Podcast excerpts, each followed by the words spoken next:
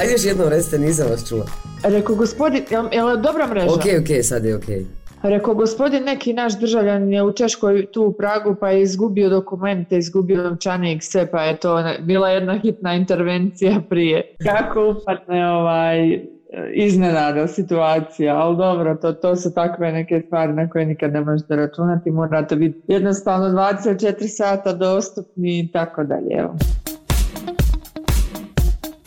Eto vidiš, možete zatrebati ambasade u tom slučaju. Ako si u Češkoj, očito je, uvjerila sam se na ovom primjeru da se stvar rješava odmah, jer sam bila na kratkom čekanju, a nakon završenog posla odmah me pozvala. To je ambasadorica Bosne i Hercegovine u Republici Češkoj i književnica Martina Mlinarević. Možda i najpoznatija BH ličnost iz aktuelne domaće diplomatije u međunarodnim krugovima kao i među građanima i građankama. Ja sam Lilo Meregić-Čatić, u ovom podcastu ZIP zavirila sam ispod površine diplomatije Bosne i Hercegovine. Inače, kad odem u neku stranu zemlju, stvarno se ne sjetim BH ambasade, nego zabilježim broj policije ili nekog ureda za strance. A bilo bi logično da uradim ovo prvo pomenuto. Što ne uradim? Valjda zato što smo navikli da je naš državni aparat baš briga za nas. Tako su se naime pokazali u proteklih četvrt vijeka.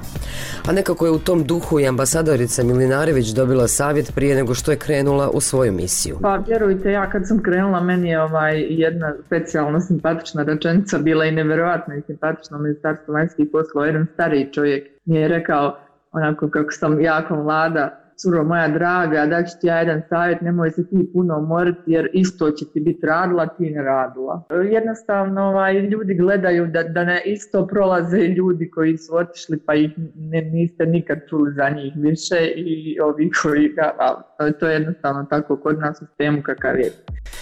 Vidjet ćete da mi nije cilj da ocrnim BH diplomatiju, nego naprotiv još jedna od normalnih želja da se Bosna i Hercegovina sastavi sama sa sobom.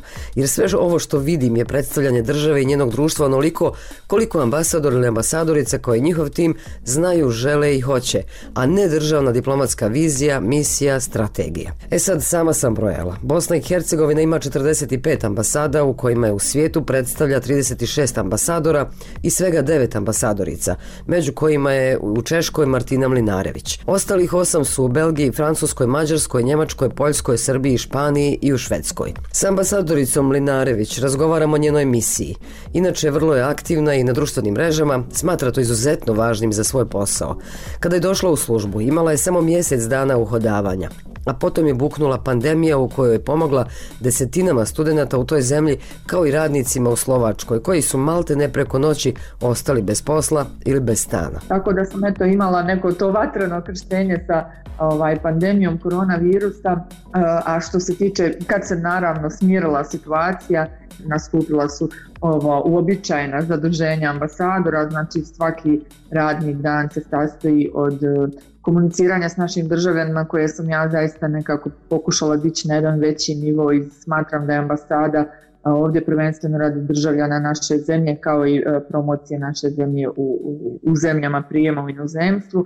E, tako da e, svakodnevno doslovno jednom sedmično ili ovisno o nekim našim događanjima ili nekim vijestima koje imamo komuniciram sa državljanima naše zemlje. Položila sam neku sjajnu kontakt listu Jahnek. Oni vole reći da ambasadorica u ovom trenutku zna gdje se svaki čovjek nalazi, Českoj Slovakskoj ali nekako mislim da je e, to e, suština, e, da, da oni nekako ambasadu osjećaju kao svoju kuću i da tu dolaze na jedan opušten način i na takav način i rade i surađuju s nama. Ja sam izuzetno sretna jer ovdje imamo jednu fenomenalnu zajednicu naših ljudi koji su iznimno kulturno i umjetnički orijentirani i koji sjajno ste nekako naslanjani na ambasadu i nekako su produžena mi ruka u svim našim aktivnostima, tako da smo stvarno imali je, uz koronu imali smo izuzetne ovaj, događaje i aktivnosti, evo trudimo se bar onako mjesečno da imamo neka dva veća događaja kroz neke manje, a ono običajno tijekom dana, evo danas baš mi stiže naš dobro poznati Matt Field na sastanak, on je ovdje e, sada novi ambasador Velike Britanije u Češkoj, tako da imate dnevne ovaj, obaveze kako u ambasadi, tako sa ovim e, konzularnim odjeljenjem, ali i e, te diplomatske sastanke na nivou dakle čeških zvaničnika, političara i diplomatskog korpusa. Šta je recept da jedan ambasador ili ambasadorica dobro obavlja svoju dužnost, predstavlja i promoviše svoju zemlju? Dakle, možete li ono posložiti neke segmente kao primjer? pa evo ja ne znam sad šta je recept, ali mogu reći nekako kako ja radim i kako sam nekako shvatila taj svoj posao, shvatila sam ga zaista srcem predano, ozbiljno dakle kao jednu najveću čast povjereno mi u životu, ne samo meni nego i cijeloj obitelji jer ne predstavljate samo vi tu u Bosnu i Hercegovini, tu je vaš suprug i vaše dijete i to je nekako, evo jučer je moja una dobila tu ovaj završeno polugodište i sve ove petice naše etničke, češke a ide u Češku školu i ona je neki predstavnik Bosne i Hercegovine u svom nekom malom svijetu kako je tako sjajno sladila češki sve i stalno pričaju o Bosni i Hercegovini, uvijek imaju neke na mjesečnom nivou neke dane u kojima ona priča o Bosni, donosi neke slike, fotografije, oni su bili gosti u mojoj ambasadi, djeca i tako da niste samo vi nego cijela ta ekipa i u ambasadi i porodica vaša i tako dalje. Tako da morate shvatiti taj, bar sam ga ja na takav način shvatila apsolutno uh, odgovorno sa poštovanjem prema državi iz koje dolazim bez obzira na uh, situaciju političku kakva jeste, bez obzira na smanjene financijske resurse kakve imamo.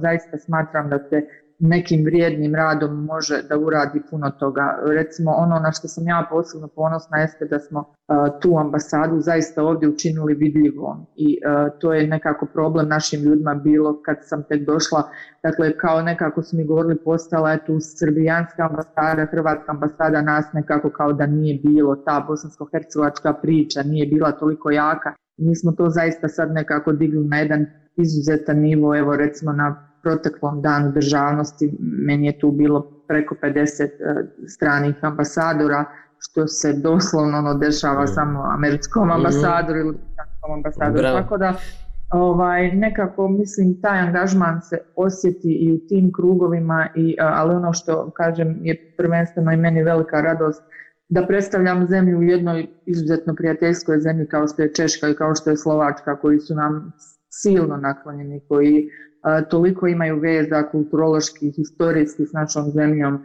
i koji toliko cijene naš narod i našu kulturu i jednostavno oni su sjajan partner i sjajno je predstavljati zemlju u jednoj zemlji koja na takav način misli ona. Ali ne može se tek tako jednostavno doći do takve mreže jel, ovaj, kako ste vi razvili. Zato sam vas pitala šta je recept. Da, pa ne znam ja nekako ovaj, to, mislim, naravno nisam u istoj poziciji kao možda neki novi ili stari ambasadori koji ja sam bila aktivna medijski, javno, dugi niz godina, tako da je neka moja platforma uh, vidljivosti bila drugačija u odnosu na njih, tako da ja sam s te strane imala neku, imam neku prednost. Tako da svaki moj sastanak ili nešto drugo je vidljivo duplo više jer ja imam toliko mnogo pratitelja na tim društvenim mrežama što je danas zapravo evo i, i suština jer ovdje kad gledate češku politiku većina stvari se dešava prvo na Twitteru i na Facebooku, pa tek onda kroz službene dokumente, mislim, predsjednički kandidati, premijeri, oni komuniciraju na Twitteru i tako dalje.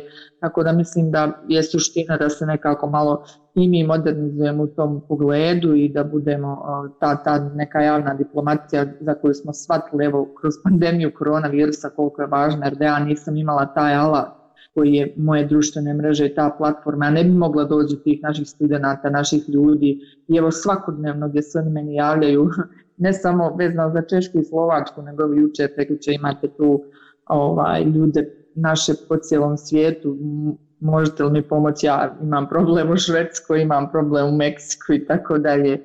Rekao, ne mogu, ja sam u Pragu, ali evo spojiti vas nekim ljudima, tako da mislim da je jako važno da predstavnici naše zemlje shvate u kojem ovaj e, globalnom selu i dobu žive i da moraju jednostavno da budu, da, da imaju tu konekciju s našim državljanima na, na način na koji je potreban ovaj, primjeren evo, dobu u kojem jesmo internetskom i tako. to je trebalo biti moje sljedeće pitanje, ste se već odgovorili na njega, neću ga postavljati.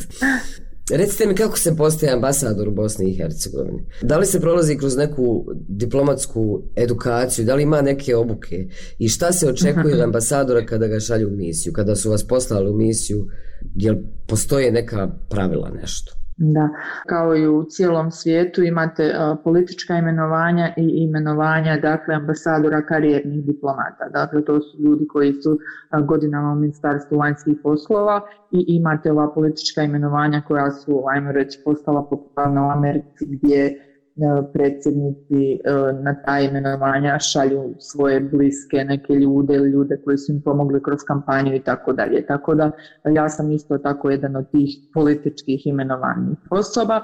E, kao takva isto sam morala proći pripremu u Ministarstvu vanjskih poslova koju su prošli svi drugi ambasadori. Dakle, to je neka priprema u negdje dva do tri mjeseca ona traje gdje pređete sve odsjeke kroz Ministarstvo vanjskih poslova ono što će vam biti zanimljivo znači za vaš rad i što, što morate da odradite. I na kraju je taj završni govor e, pred ministarstvom vanjskih poslova gdje predstavljate zapravo svoj neki plan, program tih aktivnosti koje ćete obnašati u, u zemlji e, u kojoj se šaljete. I to je to zapravo. Ovaj, e, ono što je meni, ja sam u više navrata govorila i javno o tome da nekako kad dolazite iz realnog sektora vi očekujete da ono kad odete u 8 ujutro na posao da vas u 4 neko traži neke rezultate što ovdje zaista nije tako.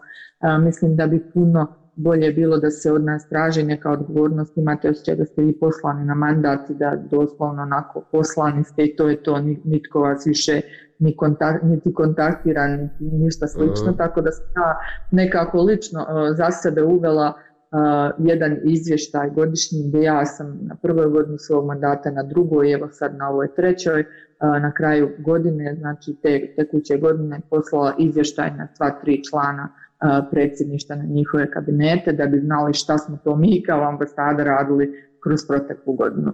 To se uobičava recimo na kraju mandata ambasadori naprave neki kao presjek izvještaja, ali ja sam nekako htjela i na svaku, za svaku godinu jer recimo bilo mi je zaista ovaj, nevjerovatno kroz uh, pandemiju koronavirusa imali smo tri od četiri sastanka putem Zuma sa uh, ministricom Turković, što je bilo zbog situacije kakva jeste, što mi je bilo zaista odlično i naravno nije se poslije nastavilo i mislim da je nešto tako bi bilo odlično da ministar bar jednom mjesečno ovaj, da se, da se ima kontakt uh sa ambasadorima jer ovo, ovo sada apsolutno ste kao na nekom autopilotu poslani ste i dalje imate, nitko od vas zapravo ne traži apsolutno ništa. Vi dobijete neke instrukcije, ali sad neku odgovornost da li ste nešto ispoštovali, niste, to je, to je potpuno ovaj, irrelevantno, nemate nikakav osjećaj neke odgovornosti, to je jednostavno evo, u vama, kako ste vi shvatili taj zadatak, tako da te strane mislim da moramo puno, puno još bolje poraditi na tome.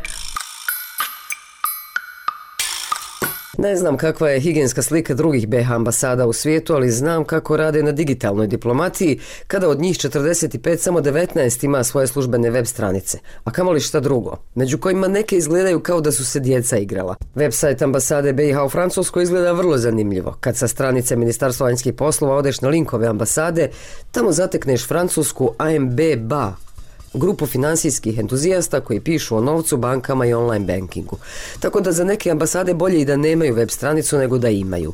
Zapanjujuće je međutim da su među onim ambasadama koji uopšte nemaju web stranice one u Hrvatskoj i Srbiji. Tako da ne navrajam dalje. Uglavnom nemojte sad o društvenim mrežama molim vas. I tamo sam svašta vidjela, odnosno nisam vidjela nikako, ali naravno ima svjetlih primjera tako da ne bih. Dosta ovo. Ovo sve ne znači da ne rade svi dobro svoj posao koliko mogu u mreži vanjsko-političke nesređenosti zemlje koji predstavljaju za koji rade, a koja nema ni zakon o vanjskim poslovima.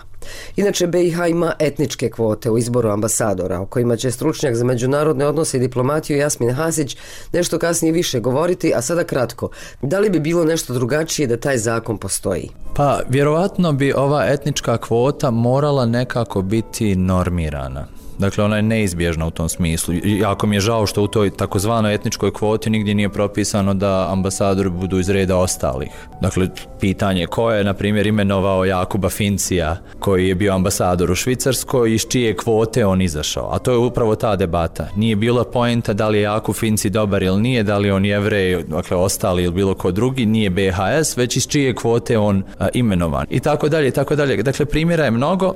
koliko god mi idemo u normiranje ove prakse i koliko god mi imamo ideje o tome kako bi ta diplomatija trebala biti meritokratska i kako ona funkcioniše u drugim zemljama i tako dalje tako dalje bojim se da je ovo predugo ustaljena praksa koja se neće brzo izmijeniti i nikakav novi zakon u vanjskim poslovima bilo čemu neće normirati ovu stvar u odnosu na realnost koju živimo. Dakle, stvarno jeste zakon bitan, ali ako nešto ne valja ili nema, hajde da radimo nešto što dobro, svejedno iz koje smo kvote kad već radimo to što radimo za platu za koju radimo. A ovo što sad slijedi je bonus trek iz ovog razgovora, da budem iskrena u vezi sa temom koja nije našla mjesto u ovom podcastu, ali to je dio koji baš lijepo pojašnjava stanje. Pa to Ustav piše, e, predsjedništvo piše conducts na engleskom, to nije baš adekvatan prevod vodi vanjsku politiku, to nije baš uh, adekvatno, ali se ustalo tako kako jeste.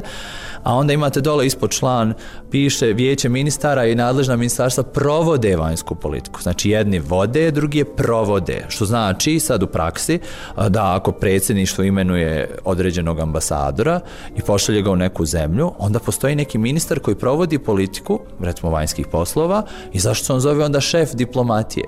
Ali kako to onda da u praksi ambasadori se ne osjećaju odgovorni ministru vanjskih poslova, nego zovu svoje šefove u predsjedništvu? Što kaže jer me imenovo? A sad opet malo s terena.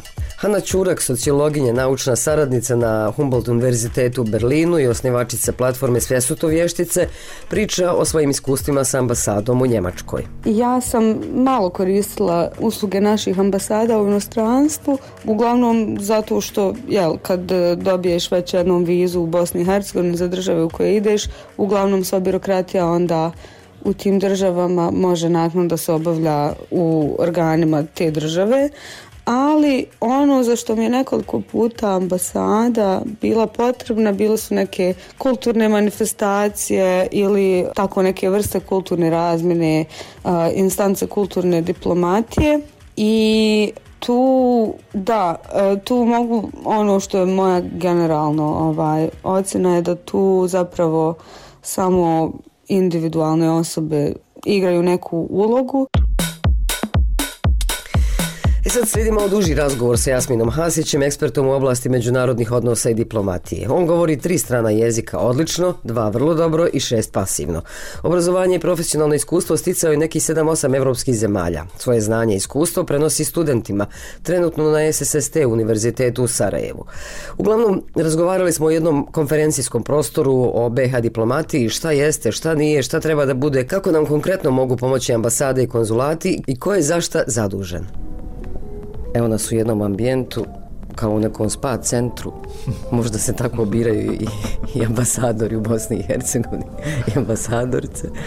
Nisam sigurna. Ja Jasmine, kako se biraju ambasadori i ambasadorice u Bosni i Hercegovini?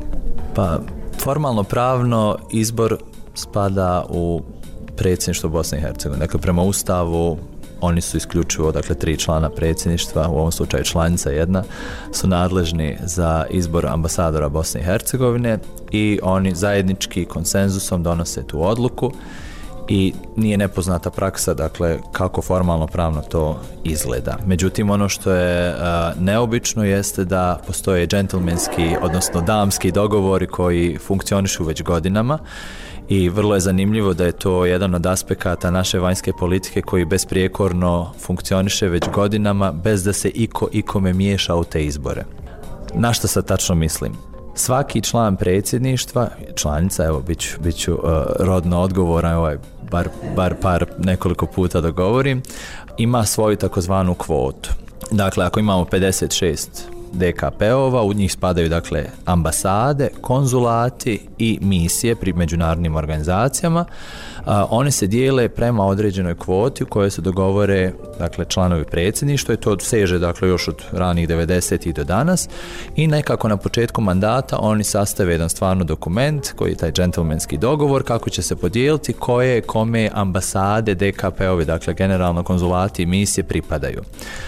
A unutar te kvote postoje ambasade koje su takozvane rotirajuće ambasade i rotirajuće misije gdje svake četiri godine dolazi neko iz drugog naroda, odnosno svake četiri godine a, tu osobu, tog ambasadora ili šefa misije postavlja drugi član predsjedništva iz određene etničke grupe. I postoje takozvane fiksne ambasade, odnosno DKP-ovi, koji su uvijek i uvijek pripadaju jednom te istom narodu, osim ako se tim džentlmenskim dogovorom to ne poremeti na neki način ili neki deal ne bude drugačije dogovoren. Primjer toga je bio, na primjer, da su Bošnjaci imali tradicionalno ambasadore u skoro svim arapskim zemljama, međutim u Jordanu se desila zamjena pa je to sad pripalo kao Hrvat. Ha, jeste. Pa ne znam, tradicionalno od početka Srbi su na primjer imali ambasadora u Egiptu, ali onda je 2000 i neke godine donesena odluka da se Egipat zamijeni za takozvanu jel, bugarsku zamjenu, ružna je riječ naravno, i onda su Bošnjaci dobili Egipat, a Srbi su sada dobili pravo da imenuju ambasadora u Bugarskoj. Tako dakle te, te trampe ružno je o tom govoriti na ovakav način, ali suština je upravo to da, da e, zaista tri člana predsjedništva se dogovore, sastave dokument, vrlo često prenose dokument koji je već bio sastavljen od prethodnog sastava, dakle tu nema nikakve svađe jer znaju kad bi ušlo u to da bi to zauvijek trajalo. Možete li mi reći koji su kriteriji, šta je uslov, mora li, mora li recimo ambasador ili ambasadorica u ovom trenutku ili o čemu govorimo znati engleski jezik kao jezik one zemlje u koju ide? Pa bilo bi poželjno svakako, uh, u diplomatima to funkcioniše ovako, uh, kad se bavite nekretninama, odete kod agenta i uvijek govorite hoću brzo, hoću jeftino, hoću kvalitetno. I on kaže biraj dvoje.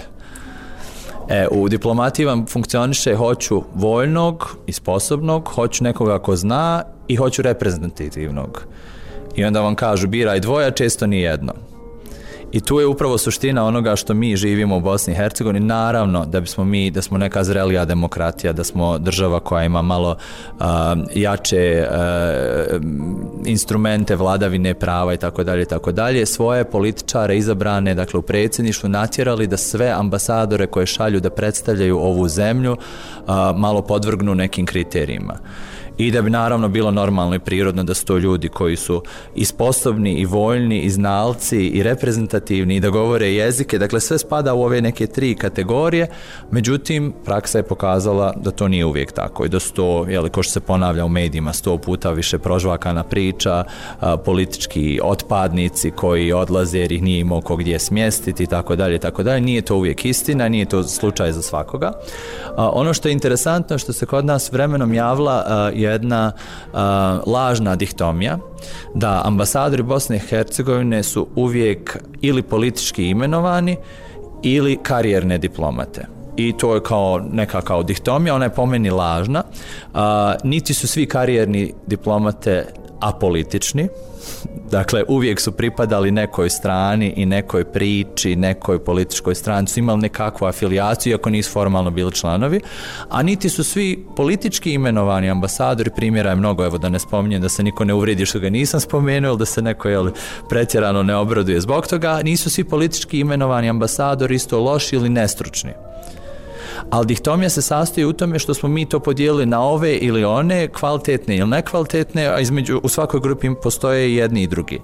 Ali ono što smo zaboravili jeste treća grupa, mi vrlo rijetko, odnosno članovi predsjedništva Bosne i Hercegovine, vrlo rijetko imenuju stručne ljude. Znate, vi kad imate neku zemlju koju želite da ostvarite velike investicije, da ostvarite neku ogromnu kulturnu saradnju, pa pošaljite Abdullaha Sidrana ili pošaljite nekoga, sad izmišljam imena Dani Satanovića, ako hoćete da razvijete filmsku industriju tu, pošaljite nekoga, potpuno je nebitno, sad sam imena bez veze jel naveo samo da, da ilustriram poentu da mi ne tražimo samo stručnjake nekoga koji je bio direktor Energo Investa ili neke banke pa sad on će ići tamo razvijati neke velike odnose i mi ćemo imati sad investicije. Pošaljite nekog profesora s fakulteta koji nije nikad bio nikakvoj stranci, nije nigdje radio, ali ima jednu specifičnu struku koja je za zemlju u kojoj se šalje specifična. I ima tamo veze, prezentovao je neke radove, objavljivo, svi ga znaju iz te akademije, prosto je jako bitno da ta osoba bude tamo. E mi smo zaboravili na tu struku, ne govorim samo o struci u smislu akademije, govorim o struci u smislu umjetnosti, u smislu mehanike, u smislu nekog poduzetništva i tako dalje. Dakle, ta ta, taj kriterij ko, šta oni moraju znati, šta ne moraju znati je sada manje bitan kad, smo, kad mi živimo u ovoj lažnoj dihtomiji, zaboravili smo ovu treću kategoriju, a naravno nismo osigurali nikakve instrumente, ponovo se vraćamo na zakon, da ti ambasadori moraju imati neka javna saslušanja, pa neka javne platforme. Dešavaju se takozvani završni razgovori u ministarstvu prije nego što oni odu na destinaciju. Ja, ovo smo sad kod pitanja i vizije, i strategije, i edukacije. Jel to edukacije, ali imaju oni pripreme. Postoji u ministarstvu ured za diplomatsku obuku, ti ambasadori formalno, pravno prolaze neke obuke od 3 do 6 mjeseci, odlaze na neke intervjue, sakupljaju informacije, pričaju sa diplomatama, pričaju s kolegama, pričaju sa drugim ljudima na terenu i tako dalje. Međutim, to u praksi, nažalost, se svodi na skupljanje potpisa, ono u indeksima, pa oni odlaze po kancelarijama, nažalost to je tako.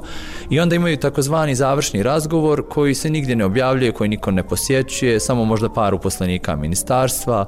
To su vrlo šture PowerPoint prezentacije o geografiji zemlje u kojoj odlaze, ništa specifično, možda par ono nekih preporuka koje će oni pokušati uraditi u naredne četiri godine i zaista ništa, ništa konkretno. A trebalo bi?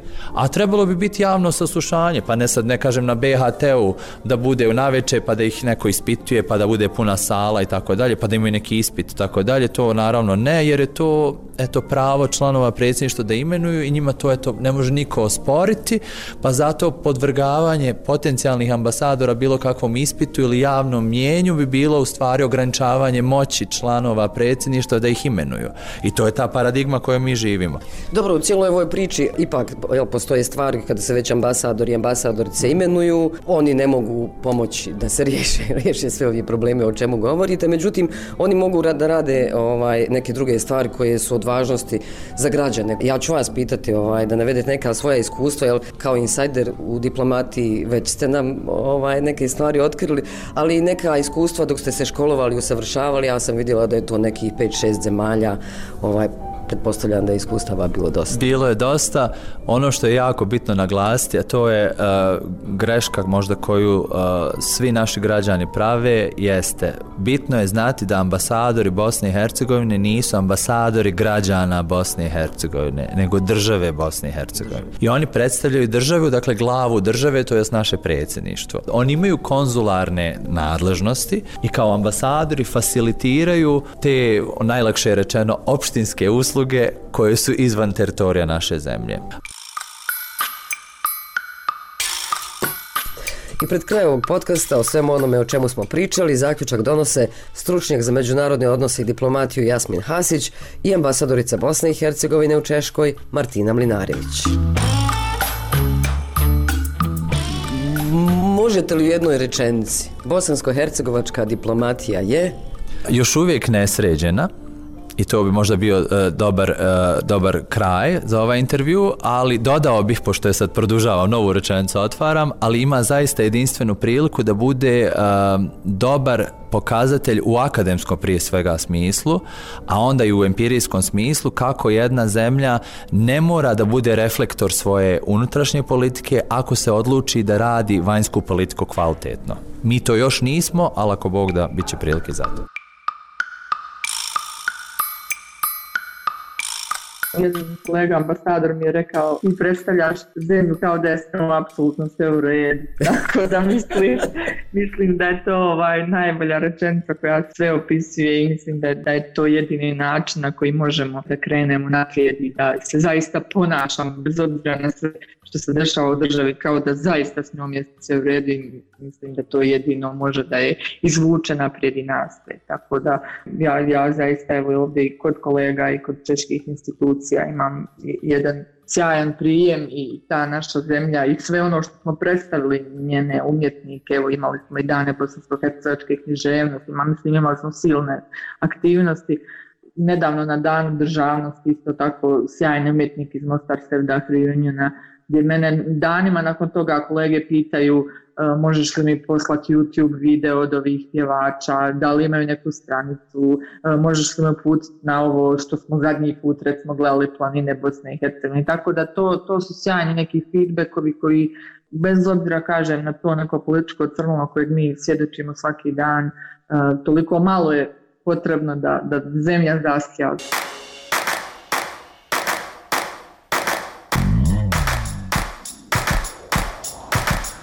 Mislila sam završiti citatom Ive Andrića iz Eksponta. Čudno je kako je malo potrebno da budemo srećni i još čudnije kako često nam baš to malo nedostaje. Ali neću. Radije ću u žargonu. Boga ti pusti priču i uhvati se posla. Bio je to jedan diplomatski zip. Moje ime je Leila Omeregić-Ćatić i slušajte me ponovo. Zavirit uskoro opet ispod površine svega što nas se tiče. Ovaj kao i sve naše podcaste slušajte na slobodnaevropa.org, našim društvenim mrežama, Spotify, Google i Apple podcastima.